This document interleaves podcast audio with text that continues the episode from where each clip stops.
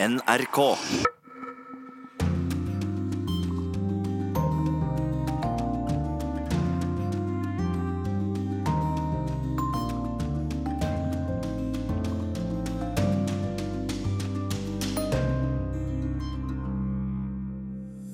Håpet om fred stiger i Ukraina etter at presidenten satt ansikt til ansikt med Russlands president i Paris denne uka. Jeg synes det var bra, det som skjedde i Paris. Det er et første steg mot fred, tror jeg. Leger uten grenser tilbakeviser at tilstedeværelse av redningsbåter i Middelhavet fører til at flere legger ut på flukt fra Afrika til Europa. Vi skal se hvordan streikene i Frankrike rammer juletrafikken og julehandelen i Paris. Streiken forstør. Folk handler ikke mye. Killen er orolig for nedgång i lønnsomheten. Vi skal ta pulsen på Lollywood. Pakistan forsøker å gjenreise filmindustrien. Og i korrespondentbrevet blir det mer om valg i Storbritannia, men mest om hunden til valgets store vinner. Britene er helt gærne etter kjæledyr. Kanskje er det derfor ikke tilfeldig at Boris Johnson tar med seg hunden sin til valglokalet på torsdag, tar den opp på fanget og kysser den på munnen og viser den fram for alle de frammøtte pressefotografene. Ukas krig og fred handler om identitetskrisen til britene. Vi starter med reaksjoner etter mandagens toppmøte i Paris om situasjonen øst i Ukraina.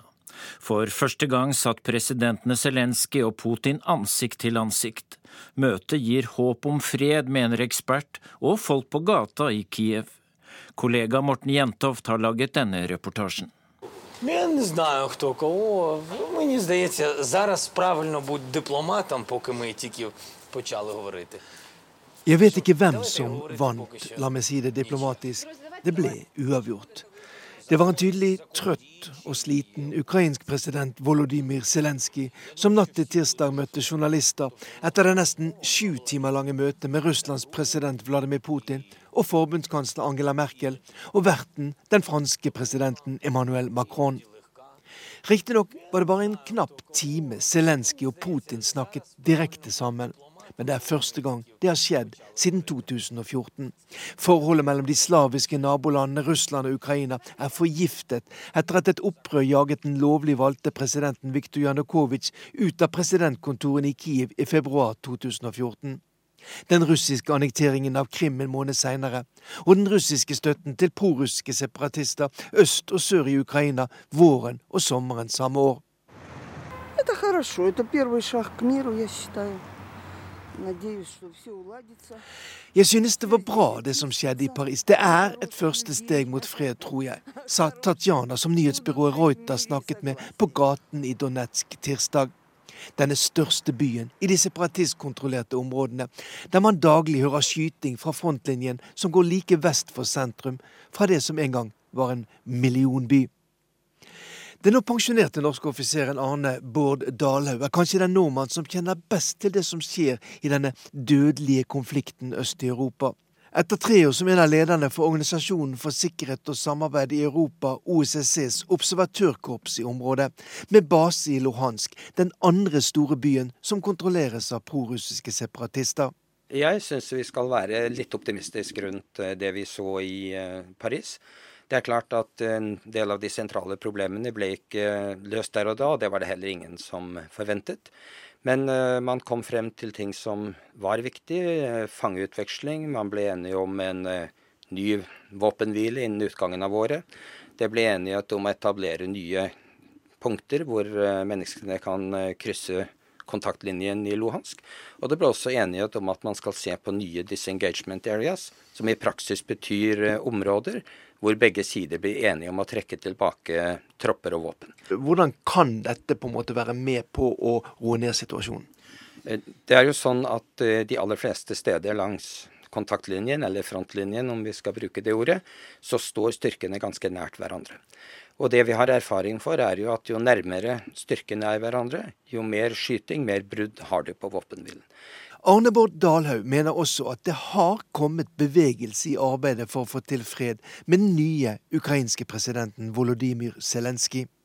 Jeg vil vel si at sånn som jeg vurderer Zelenskyj, så har han en eh, annen type retorikk enn sin forgjenger når det gjelder disse spørsmålene. En mer eh, eh, forsonende tone holder han i disse forhandlingene og i sine uttalelser når det gjelder konflikten i Donbass. Du har jo bodd nå i, i, i flere år inne i de separatistkontrollerte områdene. Hvordan har befolkningen der, og hva tenker de om sin framtid? Eh, hva de tenker om sin fremtid er selvsagt veldig, veldig vanskelig å, å, svare på, fordi at uh, man Vil de være en del av Ukraina, eller vil de bli en del av Russland? Uh, vi uh, har jo meningsmålinger som er gjort i disse områdene, som viser at rundt halvparten ser for seg at en løsning med å komme tilbake til Ukraina er å foretrekke. Fra mine personlige erfaringer, hvor jeg har snakket med veldig mange over tre år, og også med mennesker i fremtredende posisjoner, så definerer og omtaler de seg selv som ukrainere. Så eh, jeg tror at det er et eh, potensial, tydelig antall tror jeg faktisk, som ville synes det var helt greit å komme tilbake til Ukraina. Og så er det selvfølgelig, som i mange andre settinger, også andre som kanskje ville foretrukket en eller annen form for eh, løsning hvor de kunne bli en del av Russland. Очень бы хотелось, чтобы обменяли пленных и чтобы в плену никого не было. Я даже очень хочу. Мне Tilbake på gaten i Donetsk er Vera svært glad for at flere fanger nå ble utvekslet. Jeg synes synd på fangene, både her hos oss og på den ukrainske siden. Jeg håper at vi snart kan komme sammen igjen for å leve i fred, sier Vera.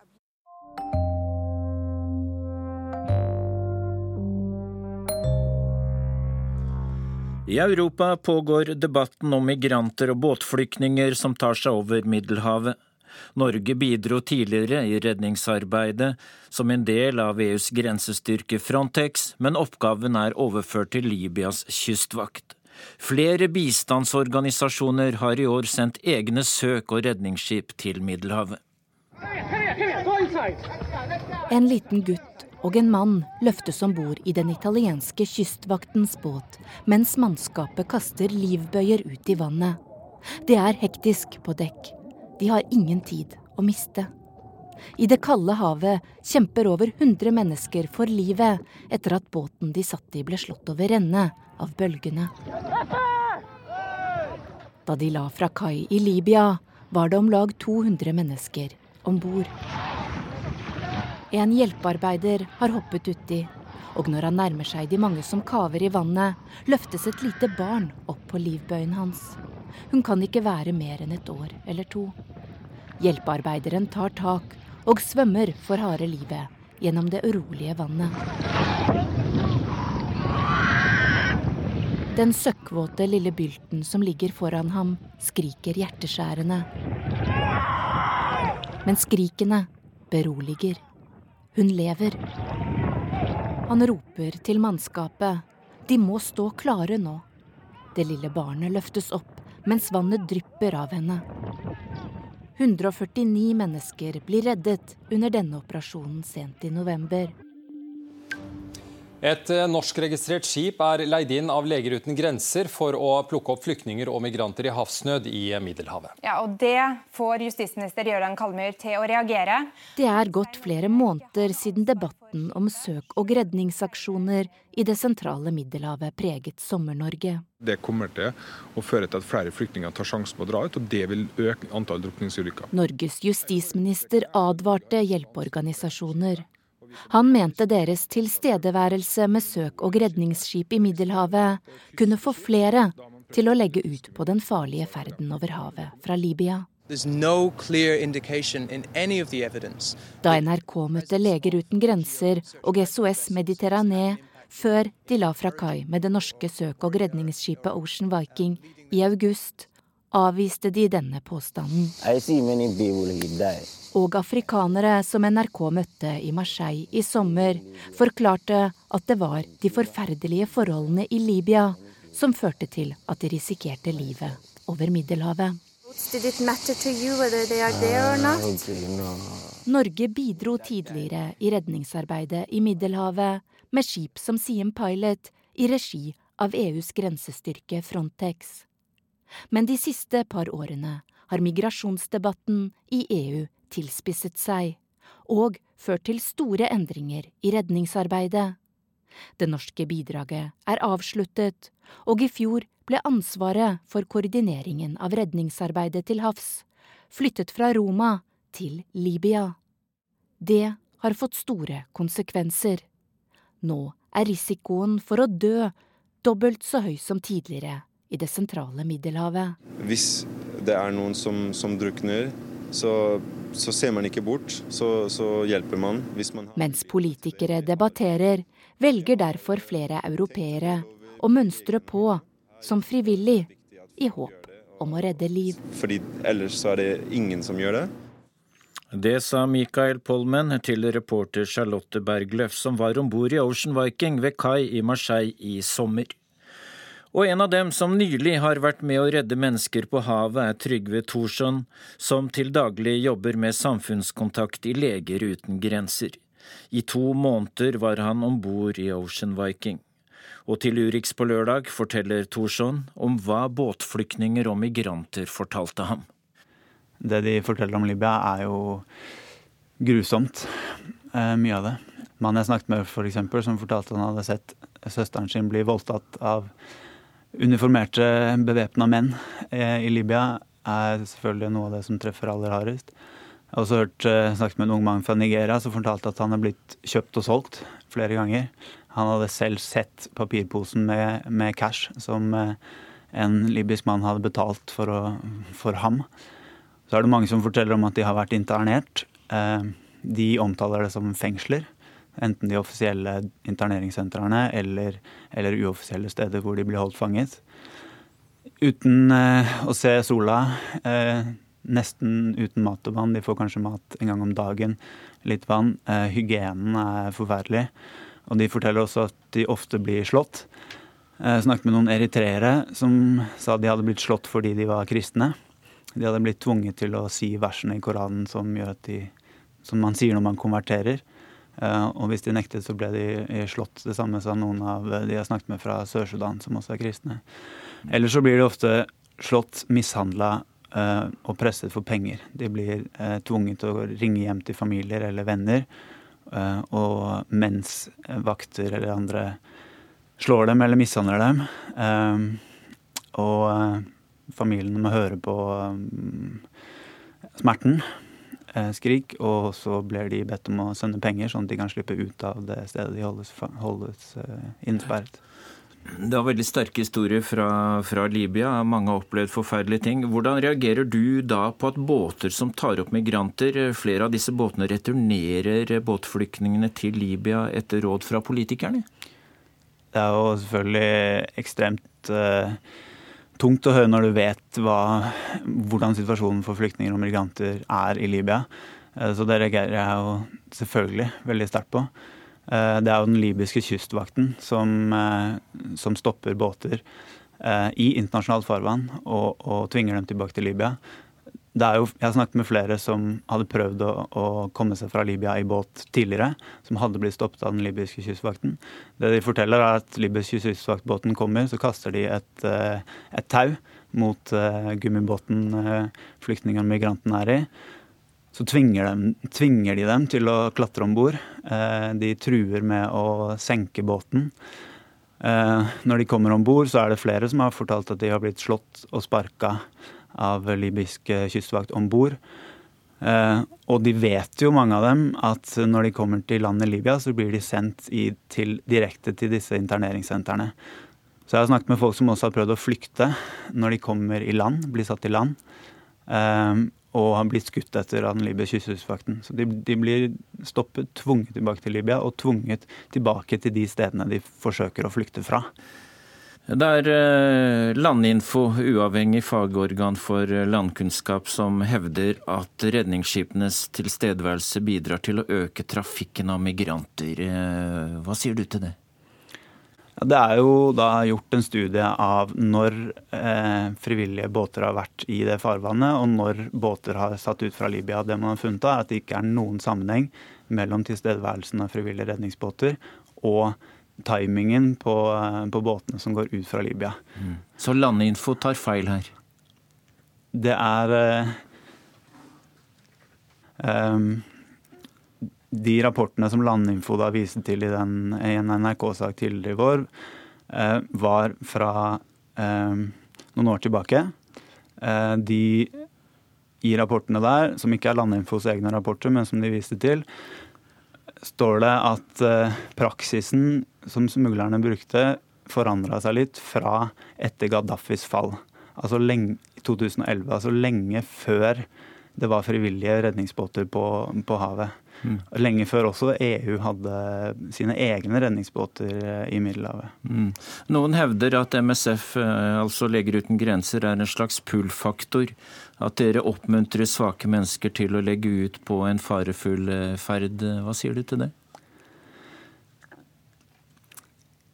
Det er jo da nok en gang motbevist at det er en sammenheng. Det er ingen statistisk sammenheng. Mm. Eh, det, vi må forholde oss til den eh, forskningen. Eh, migrantene og flyktningene er sårbare. De gjør en lang reise fra hjemland, fra Eritrea, Sør-Sudan, Vest-Afrika, gjennom Sahara til Libya. Eh, og finner situasjonen i Libya er så forferdelig at de prøver å, å komme og flykte derfra. Hvordan reagerer du på at Norges justisminister Kalmyr sier at de må returneres til Libya, og det samme sier eh, andre europeiske land? Ja, De som sier at uh, flyktningene og migrantene må returneres til Libya, oppfordrer da til et, til et brudd på internasjonal uh, lov. Og setter disse flyktningene og migrantene i stor fare i Libya. Libya er ikke en trygg havn. Det kan ikke være det. En redningsaksjon på havet er først sluttført når de som er reddet, blir satt i land på et trygt sted. Det er havretten. Så hvis man setter dem i land på, i Libya, så er ikke det en redningsaksjon, for Libya er ikke et trygt sted. Redningsskipet er norsk. Hadde du forventet at Norge da bør ta imot flere av disse som dere tar i land? Hvilke flyktninger og migranter Norge eventuelt velger å behandle asylsøknaden til, det, det skal ikke jeg legge meg borti. Men det som er viktig, er at hele Europa, alle europeiske land, bidrar til at man unngår sånne situasjoner hvor flyktninger og migranter holdes, er blokkert på havet i dages eller ukevis. Eh, at redningsaksjoner blir hemmet fordi, fordi, vi ikke får en havn å gå til. Hvordan reagerer du da på at det er andre land som tar imot, men ikke Norge? Det er noen eh, store, og no, også noen mindre EU-land som har da bidratt. Det syns vi jo er veldig positivt. og De tar et, de tar et ansvar. De ser at uh, kystlandene i Middelhavet er i en vanskelig situasjon. Italia, Malta. Det er vel fortsatt 90 000 cirka, som sitter i, i mottak i Italia. De andre europeiske landene viser solidaritet med, med, Italia og Malta. Det gjør jo da ikke Norge. Mm. Tusen takk for at du kom til Urix på lørdag, Trygve Thorsson.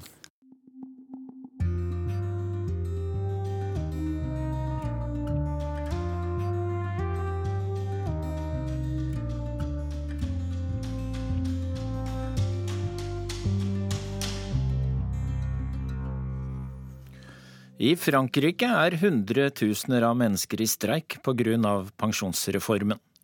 Streikene går hardt utover juletrafikken og julehandelen i Paris. Reporter Johan Tolgert sjekker forholdene for Urix på lørdag.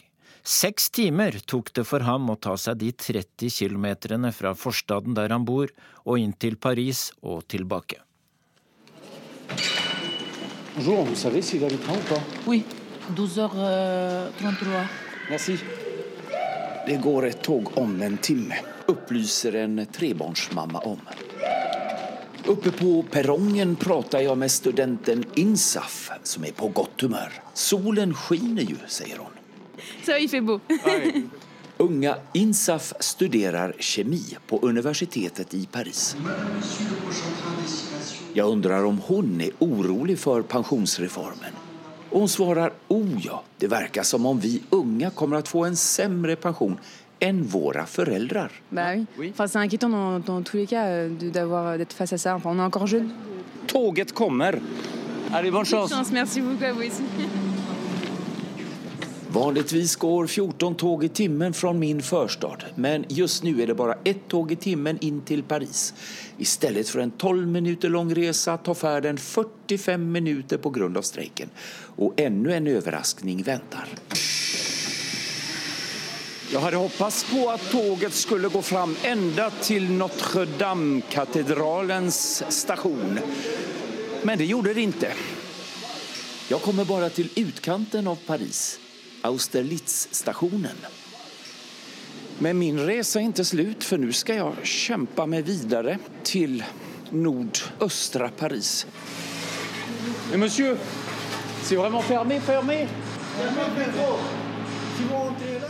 Jeg tenkte ta linje 5 når jeg blir stoppet av en arbeidere som sier at det går ikke et enda metrotog. Ai, ai, ai, ai, ai. Ok, au revoir. Ingen buss i sikte. Jeg får gå og gå og gå til min intervju med den kurdisk-franske forfatteren Fawaz Hussein. På veien dit slinker jeg inn og handler mat i et snabbkjøp. I kassan er ingen kø. Det er første gangen jeg kan komme direkte og betale. Ekspediten sier La grève, ça fait Ah moins bah de... oui, ça casse, hein. Streiken förstör. Folk handlar inte mycket. Killen är orolig för nedgång i lönsamheten. Eh, eh, eh, taxi Bonjour. Eh, Saint-Fargeau. Ah, c'est bien. Vilken tur jeg har. Inn i taxi.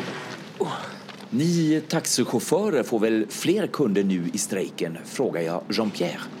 Men jeg har fel. Paris biltrafik er jo blockerad, så jeg förlorar pengar på streiken, svarar taxichauffören lugnt og artigt. Fast Jean-Pierre sympatiserar ändå med de miljoner fransmän som strejkar. Han har själv demonstrerat två gånger nu i december. Pensionsreformen måste bort, tycker han. Les revendications sont justes. Vous êtes solidaire avec les manifestants Tout à fait. Ah oui. Merci à vous. Tre timmar for å ta meg fram 30 kilometer. Sådan er virkeligheten i streikens Paris. Nå er jeg riktig ordentlig försenad. Hei, Fawaz! Hei. Unnskyld at jeg er så sen. Fawaz Hussein har jobbet som universitetslærer. Alors ça, vra- franchement, moi je suis très très étonné parce que moi je suis très en colère. Fawaz er forvånad over at de fleste er lugna og artige trots at streiken rammer alle. Men fortsätter strejken fram till jul kommer många bli lika ilskna som jag, säger han. Elle er slutt. année, Johan. jeg hjem. Jeg. Intervjun är slut. Nu ska jag hem. Jag får tag på en buss tillbaka till Austerlitz-stationen. Men där... Okej, je cours. Jag springer. Sista tåget går framför näsan på mig. Il est parti Ah. Och då får jag gå över Sennfloden till en annan station.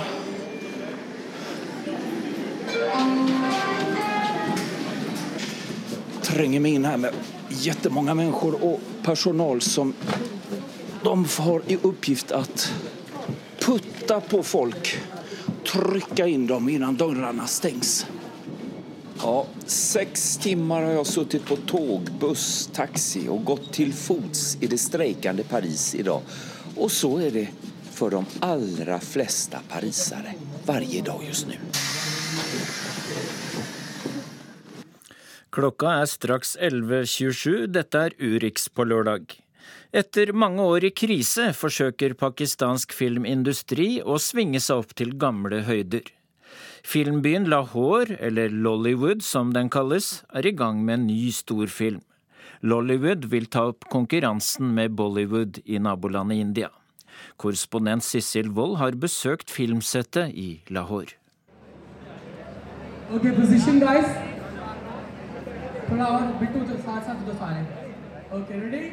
Det er klart til nok et opptak. For igjen og igjen filmer de den samme sekvensen. Åtte mannlige dansere i blå klær står i to rekker. Imran Ashraf, som spiller den ene hovedrollen, har på seg røde klær.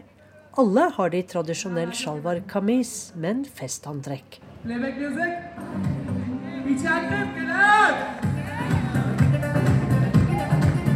Fargesprakende og feiende flott ser det ut. Men det sitter ikke helt ennå, mener regissøren. De må ta det igjen, det må da være for tiende gang. Everybody, every filmmaker needs needs patience uh, to shoot a film. Uh, it's a tough job, you know. Alle And, uh, trenger mye tålmodighet i en jobb som denne, sier regissøren Mohammed Ekhter Shamuddin.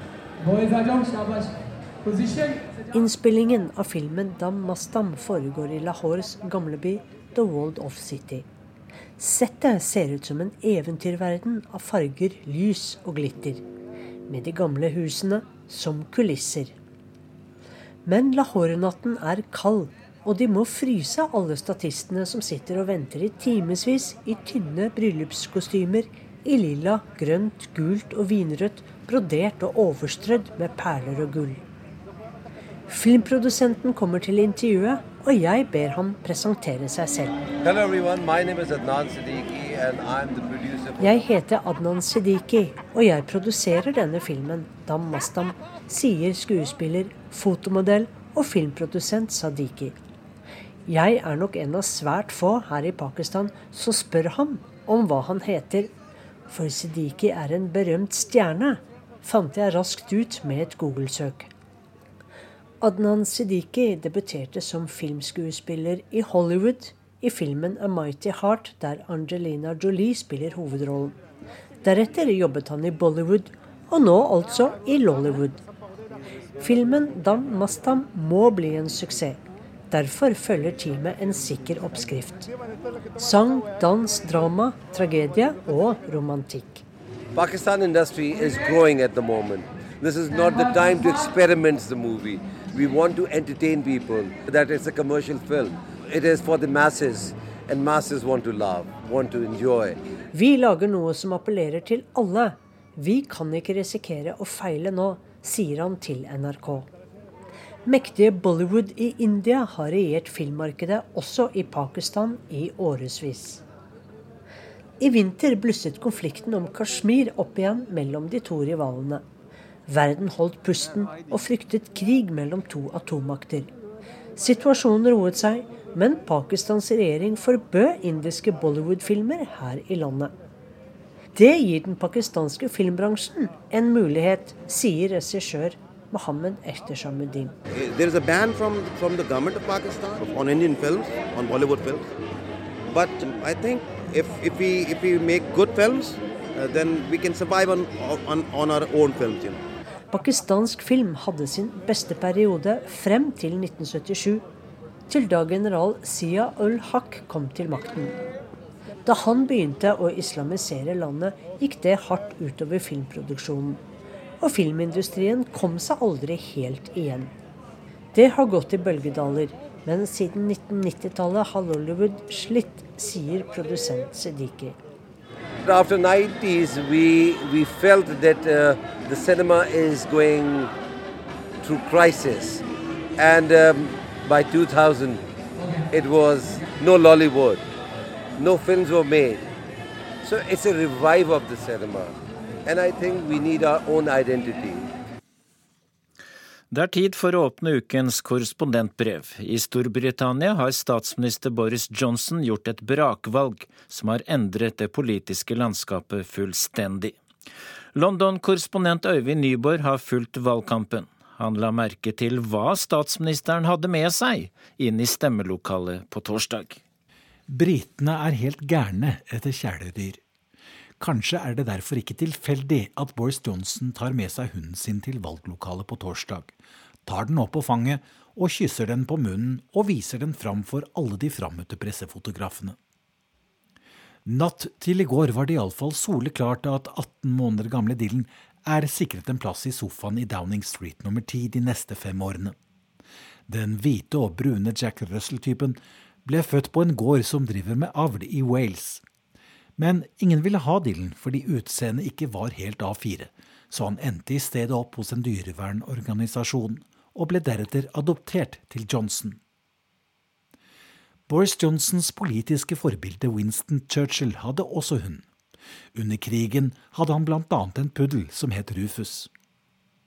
Men det var ikke Boris Johnson som først ville ha Dylan, men kjæresten hans Carrie Simmons. Hun har lenge vært opptatt av dyr, og det passet som hånd i hanske med at hun selv også flyttet inn i statsministerboligen. I prektige kretser var det mange som ikke likte at Simmons skulle flytte inn i nummer ti. Den forsiktige lille søte pelsdotten tok liksom litt brodden av kritikken mot Johnsons forhold til den betraktelig yngre kvinnen. Kjærligheten til Dylan er noe britene kan kjenne seg igjen i. Det er rundt ti millioner hunder i dette landet. Hele fire av ti briter eier en hund eller en katt. To av tre hunde- eller katteeiere sover i tillegg i samme seng som kjæledyret sitt om natten. Det er for eksempel også slik at i britenes hjem utenfor hjemmet, på puben, så ligger det ofte en hund og slapper av foran peisen. Puben reklamerer med at de er hundevennlige, og skåler med både mat og vann blir satt fram til alle som er ute på tur med hund. Det er derfor viktig å være dyrevenn i Storbritannia.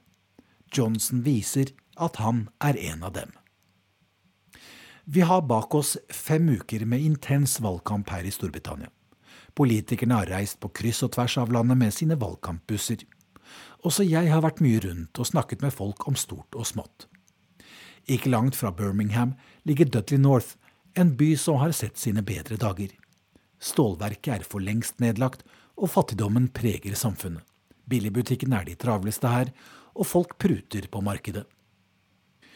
På torvet treffer jeg annet Kathleen Leary. Hun forteller at hun har stemt Arbeiderpartiet hele livet sitt, akkurat som alle andre i hennes familie hadde gjort i generasjoner.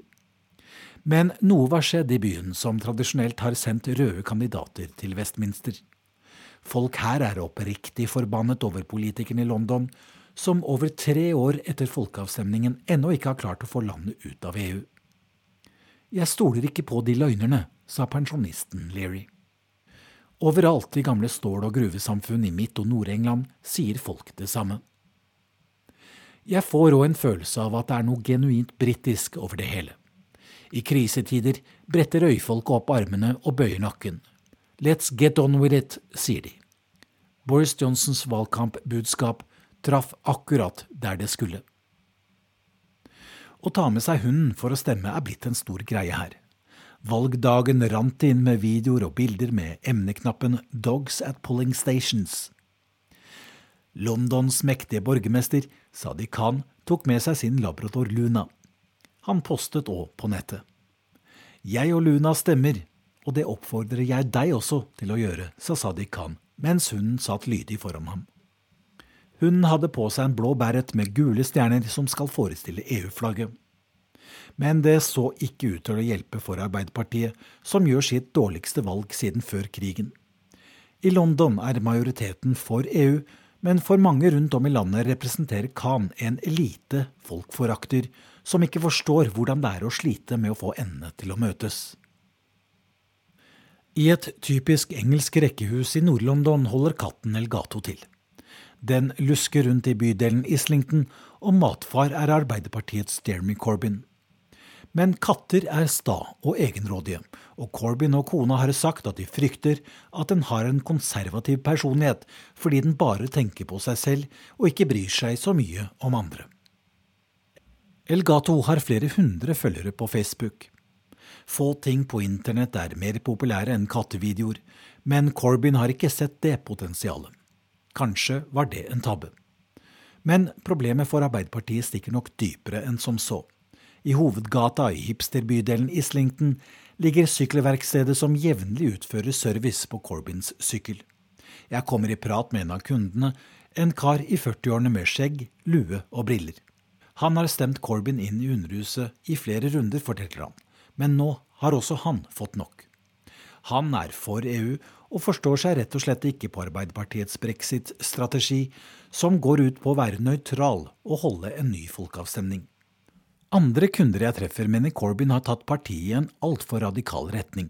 Valgresultatet viser også at taktikken slo feil. I Downing Street er hunden med det lyse håret til alle kanter også kjent for å være ganske så kåt av seg. I det siste har han prøvd seg på naboen. Hun heter Bailey, og en morgen hun var ute og luftet seg, ble hun antastet på det frekkeste. Bailey er hunden til finansminister Sajid Javid, og Dylan har prøvd seg på henne flere ganger. Hundeeier Boris Johnson har gjort et brakvalg og kommer til å bruke seieren til å ta britene ut av EU 31.1. Med et så solid mandat har han skaffet seg muligheten til selv å bestemme hva slags forhold til EU britene skal få framover. Verken David Cameron eller Theresa May hadde den luksusen. Johnson får det til å høres ut som brexit nå er oppe og avgjort, men 31.1 er bare starten på en vanskelig og kanskje langvarig forhandling med Brussel. Dylan har forresten vært igjennom en kosmetisk operasjon. Den skjeve kjeven hans, som gjorde at ingen ville ha ham som valp, er nå rettet opp. Det skulle bare mangle for en hund som ble vist fram for hele verdenspressen her i London denne uken. Øyvind Nyborg, London.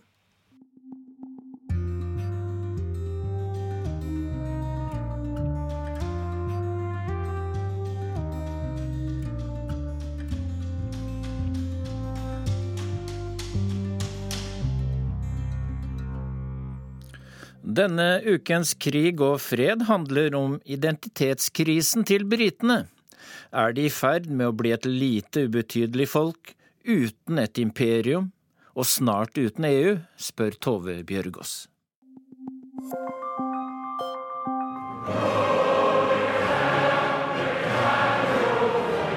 For 100 år siden styrte Storbritannia 20 av verdens befolkning. Jeg tror det var en fjerdedel og de hadde kontroll over en tredjedel av jordas overflate. Wow.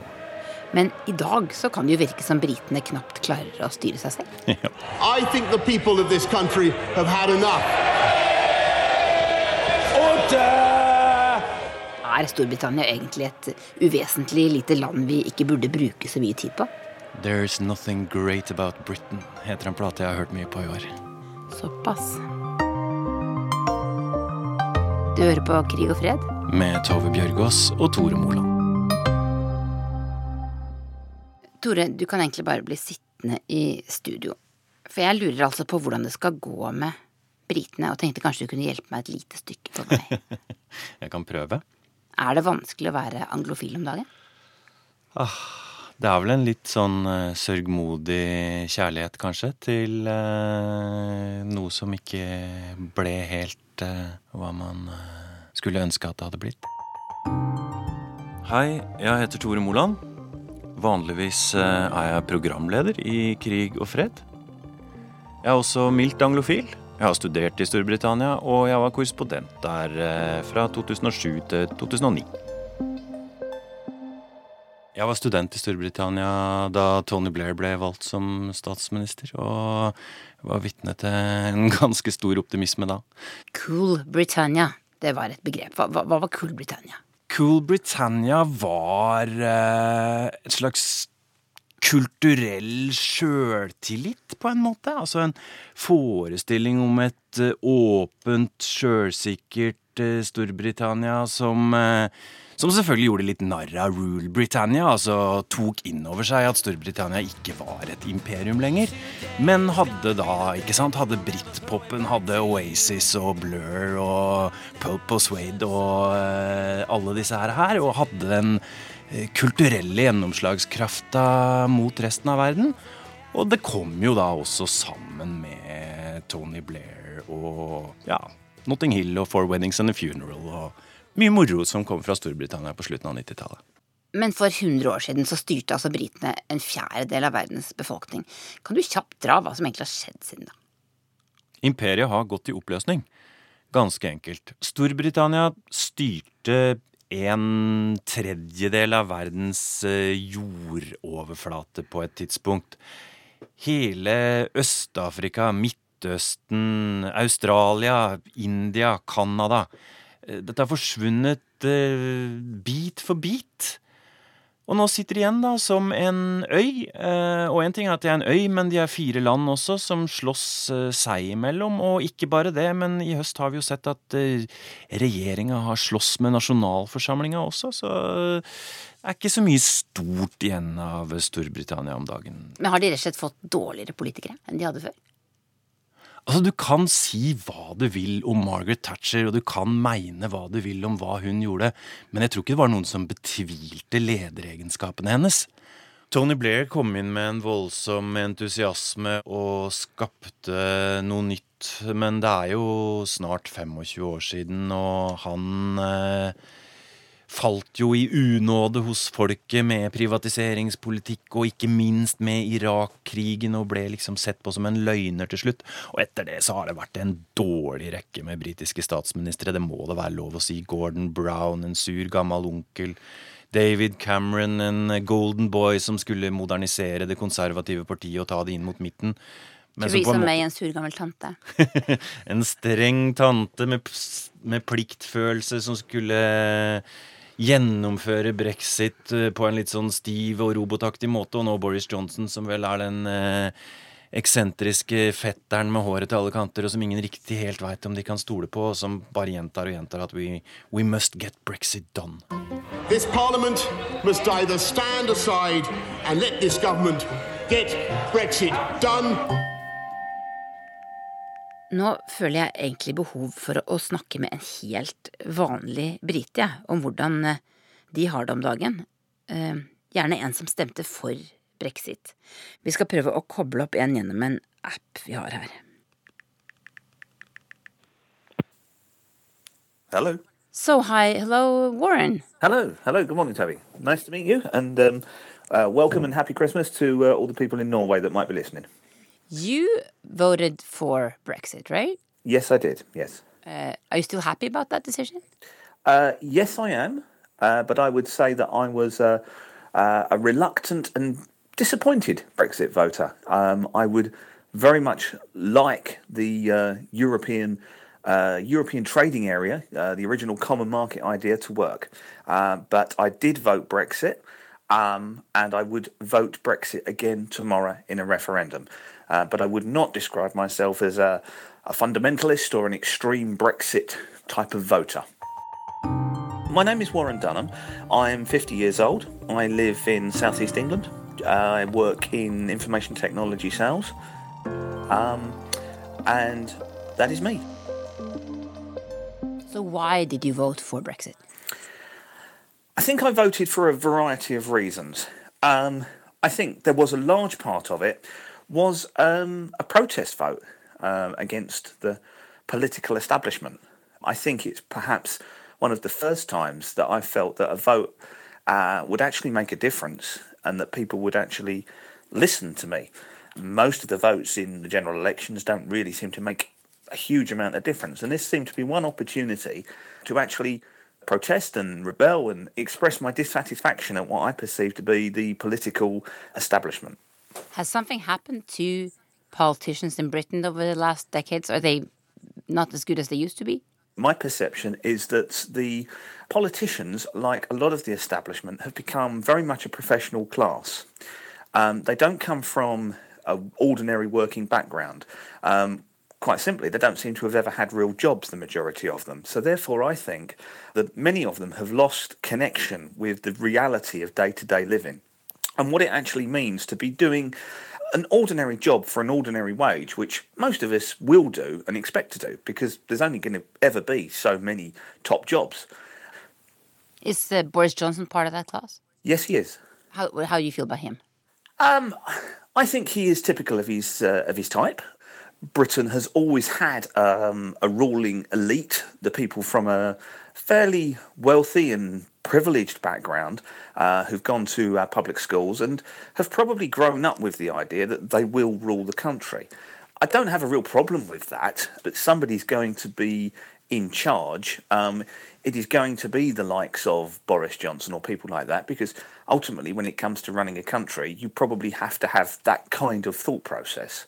I don't feel any strongly uh, for or against Boris Johnson. Do you think that this whole um, Brexit process does it have a lot to do with identity for people in Britain? Um, certainly, as British identity is concerned, I think there's a perception that a lot of people uh, in Britain, particularly people on the Brexit side, are obsessed with the British Empire and the Second World War. That's not actually true. We respect what people did, and I think there's a degree of pride in what our ancestors did in standing up to tyranny and fascism and at least helping stop the Nazis. But I don't think it's something that we obsess about. We're not all sitting here drinking tea and hoping for a return to the British Empire. Um, The reality is, we're a comparatively small country, and we are a country that wants to get on.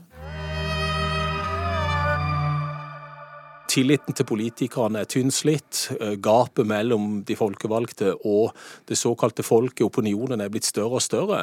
Rett og slett fordi at ikke de har klart å komme seg noe videre i dette brexit-spørsmålet. Så man er utslitt, en er trøtt av brexit, en ønsker å komme videre sånn at en kan fokusere på andre politiske viktige spørsmål som hoper seg opp under eller bak i brexit-køen. Så, så her, her, er det et eller annet som må forløses eh, nokså snart, tror jeg. Eh, sånn at ikke velgerne totalt totalt mista tilliten til de britiske politikerne. Jeg heter Jan Erik Bustad. Er førstelektor i engelsk ved Universitetet i Agder. Har undervist eh, Storbritannia og USA i mange år, og fulgt britisk politikk i eh, flere tiår. Du sier du har fulgt med på britiske valg siden midten av 90-tallet. Hva har skjedd med britiske valg siden midten av 90-tallet? Vi hadde jo fra, fra, Tony Blairs tid, da han begynte å modernisere Labour sammen med Neil Kinnock på begynnelsen av 1990-tallet, et Labour som, som drifta inn mot eh, det politiske sentrum. Og Det hadde vi jo blant de konservative også i dette topartisystemet i Storbritannia, hvor de to store partiene ønska å tiltrekke seg så mange sentrumsvelgere som mulig. Eh, og Siden den gang så har jo både Labour og de konservative krøpet ganske langt oppover på høyresida og på venstresida. Spesielt eh, i løpet av den siste niårsperioden etter valget i 2010, som var den første valgte koalisjonsregjeringen vi, vi har hatt i britisk historie, faktisk. Eh, så, så det er blitt mer polariserte fronter i politikken. Kanskje noen av de populistiske kreftene og noen av de mer høyrevridde og venstrevridde kreftene fått større plass i politikken, og dermed er det blitt mer polarisert polarisert, altså også i Storbritannia. Blir Storbritannia litt sånn, nesten litt, litt sånn tragisk og komisk land for, for folk? Eller oppfatter de ja, seg selv sånn? Nei, jeg tror ikke de oppfatter seg selv sånn, men de oppfatter heller hvordan andre ser på dem. Og det er vel det som er det store problemet her. At eh, vi som står og ser på dette fra sidelinja, eh, og når vi møter britene, jeg møter mine kolleger, så, så, er det litt sånn skuling bortpå, og så tenker de eh, eh, Syns dere at vi er litt rare? Er det litt sånn Ja, sier jeg. Jeg tror nok ikke britene helt har det samme synet på seg sjøl som resten av verden har på dem akkurat nå. For nå, nå, har, nå har, politikerne rota det til på en sånn måte som gjør at jeg tror kanskje selvbildet til britene ikke helt harmonerer med hvordan resten av verden ser på dem, altså. Eh, og eh, de har på en måte ikke den posisjonen som de kanskje tror de har. Eh, de er fullstendig avhengige av USA, og de er blitt akterutseilt på veldig mange områder. Så, det er klart at verdensutviklingen har, gått i, i, veldig kjapp retning for Storbritannia, og, og kanskje verden har utvikla seg litt fortere enn det Storbritannia har klart å tilpasse seg. Hva skal de satse på da, hvis det blir brexit? Er samveldet fortsatt noe de kan bruke til noe? Nei, altså Samveldet har jo en, en, en, en nokså perifer eh, posisjon i verdenspolitikken, vil jeg si. Eh, dronning Elisabeth er dronning over 17 land, inkludert Storbritannia. Eh, enda statsoverhode i Canada og Australia og New Zealand. Men eh, det er klart, eh, der er ikke de handelsmulighetene i samveldet som det en gang var. Og Storbritannia, hvis de går ut av av EU uten noen form for avtale med Den europeiske unionen, så skal det bli tøft for Storbritannia, på kort sikt iallfall, eh, å få gode bilaterale handelsavtaler eh, med de store aktørene i verdensøkonomien. USA vil de alltid få en handelsavtale med. Vi, vi har jo alle hørt om the special relationship og disse gode forholdene mellom USA og, og Storbritannia, og kanskje nå uh, Boris og Donald, som har kokkelurt litt på bakrommet og sagt at Storbritannia skal få en kjempegod avtale med oss, sier Donald Trump. men men så, så, gjenstår det jo veldig mye arbeid for å få gode bilaterale handelsavtaler med andre land. Men vi må huske EU er det største markedet i verden. Eh, så vi, vi får se hva som skjer om, om det blir brexit eller ikke. Christmas is a time for reflection and renewal. For Christians, the year's end has a special and familiar significance. But all faiths have their calendars. Tore, når du eh, studerte i London på 1990-tallet, hvordan eh, sto det til med kongehuset da? Da sto det veldig dårlig til med kongehuset. Det var vel kanskje den største krisen i moderne tid for eh, dronning Elisabeth da prins Charles og Diana skilte seg, og da Diana omkom i denne bilulykken i 1997. Fulgte du med med tårevåte øyne? Du, jeg gjorde ikke det. Jeg må innrømme at eh, min anglofili har aldri inneholdt noen sånn spesielt stor kjærlighet uh, til kongehuset. Jeg husker fra den gang at jeg var mest irritert over at noen fotballkamper jeg hadde gleda meg til, ble avlyst pga. Dianas død. Det er litt stygt å si, nesten. Men jeg har sett The Crown, altså. Du har det. Og det er ikke noe fotball i denne podkasten. Det er en skam. Det er en skam.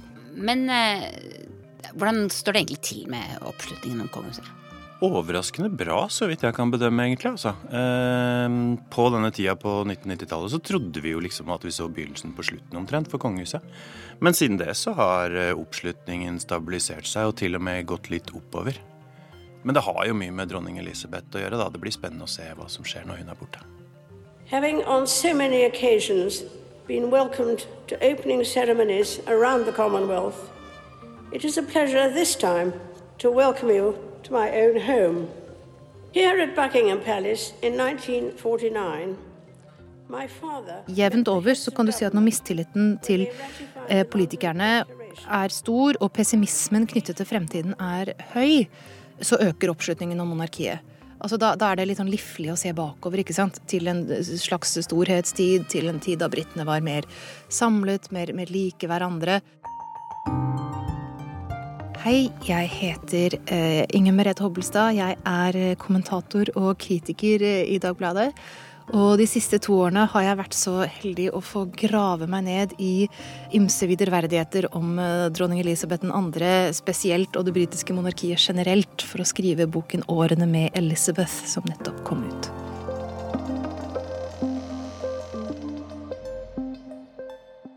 Tror du at kongehuset snart er noe av de viktigste eksportartiklene Storbritannia har? Ja, det og dramaer om kongefamilien. Eller, eller, om britisk eh, historie. Altså, det, det, er noe i det, altså. For du kan si at det er en veldig kraft i huset Windsor, som jeg tenker er, er, også noe av grunnen til at de har overlevd alle disse krisene de har vært igjennom. Altså, det, du kan si at det er ingen andre kjendiser i verden som man følger til, fra vugge til grav på den måten man følger de kongelige. Eh, så de blir en slags surrogaterfaring, da, på en måte, bare, som vi følger på den måten vi ellers bare følger våre egne liv og, og kanskje våre venners liv. Eh, men det blir på en sånn kollektiv sfære. Det å følge med på dem er noe vi deler med eh, i større eller mindre grad med, med alle andre. da. Og jeg tror dette gjør at vi tilgir det mye, rett og slett. For de føles litt som sånne medlemmer av den utvidede familien. Hva tror du dronning Elisabeth tenker om brexit og, og det som skjer nå? Du, der har det vært eh, veldig harde og svært motstridende påstander. The Sun slo opp på forsiden at hun var for brexit. Og det ble de senere dømt for i PFU, for det hadde de ikke godt nok eh, grunnlag for å hevde. Eh, Robert Lacey, som er en ganske pålitelig biograf, mener at hun har vært skeptisk til EU og har spurt gjester om eh, hva er egentlig de gode grunner til å bli værende og sånn. Og, han er egentlig en jeg stoler mye mer på enn The Sun, for å si det sånn, som, som kom til det samme. Men samtidig så er jeg, etter å ha jobbet med dette, litt i tvil fordi det man vet om dronningen, det er at hun er glad i konsensusløsninger, altså inkluderende løsninger. Hun er ikke særlig glad i konfronterende politikere. Og hun er opptatt av å holde både Storbritannia som sådan og samveldet sammen. Altså, hun var veldig glad da Skottland stemte for å bli eh, i, i, som en del av, av Storbritannia. Da. Det var jo David Cameron litt uforsiktig og, og, lekket. Altså den i familien som kanskje sterkest har tonet flagg, og menn på en eh, ganske indirekte måte, men likevel helt utvetydig, da. Det er jo prins William. For da han og Kate var hos noen uh, sauebønder var det vel, i Cumbria med kamera på slep, uh, så spør prins William de, disse bøndene om, om, hva en no deal brexit ville ha å si for dem. Moment, I, we had a meeting with your father. He arranged it about Brexit and that. I mean, and there's things like that, but even they couldn't answer the questions for us. Yeah. Do you feel my father's a voice for the sort of farming community and for the? He's definitely a voice first, and, and he's a, a powerful voice. Og de sa jo en gang at nei, det ville vært forferdelig, for de er avhengig av tilskudd og subsidier og, og alt hva de får da fra, fra Brussel. Og du kan si at når en skikkelse som prins William stiller det spørsmålet for åpent kamera, så vet han hva svaret er. Uh, og det ble jo tolket, og tror jeg helt riktig, som et ganske utvetydig tegn på at prins William advarer mot en, en no deal brexit. Han ønsket fokus på det. Ja. Warren Dunham, I wanted to ask you, in the future, do you think it's still going to be Great Britain?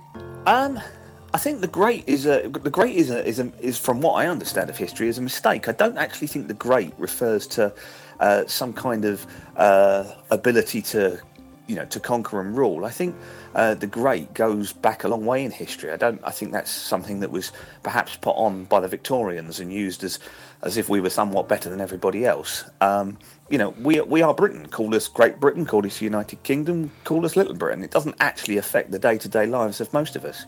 Uh, we're not sitting here obsessing about British identity day in day out. Um, the reality is, most of us work hard. Most of us want to get on.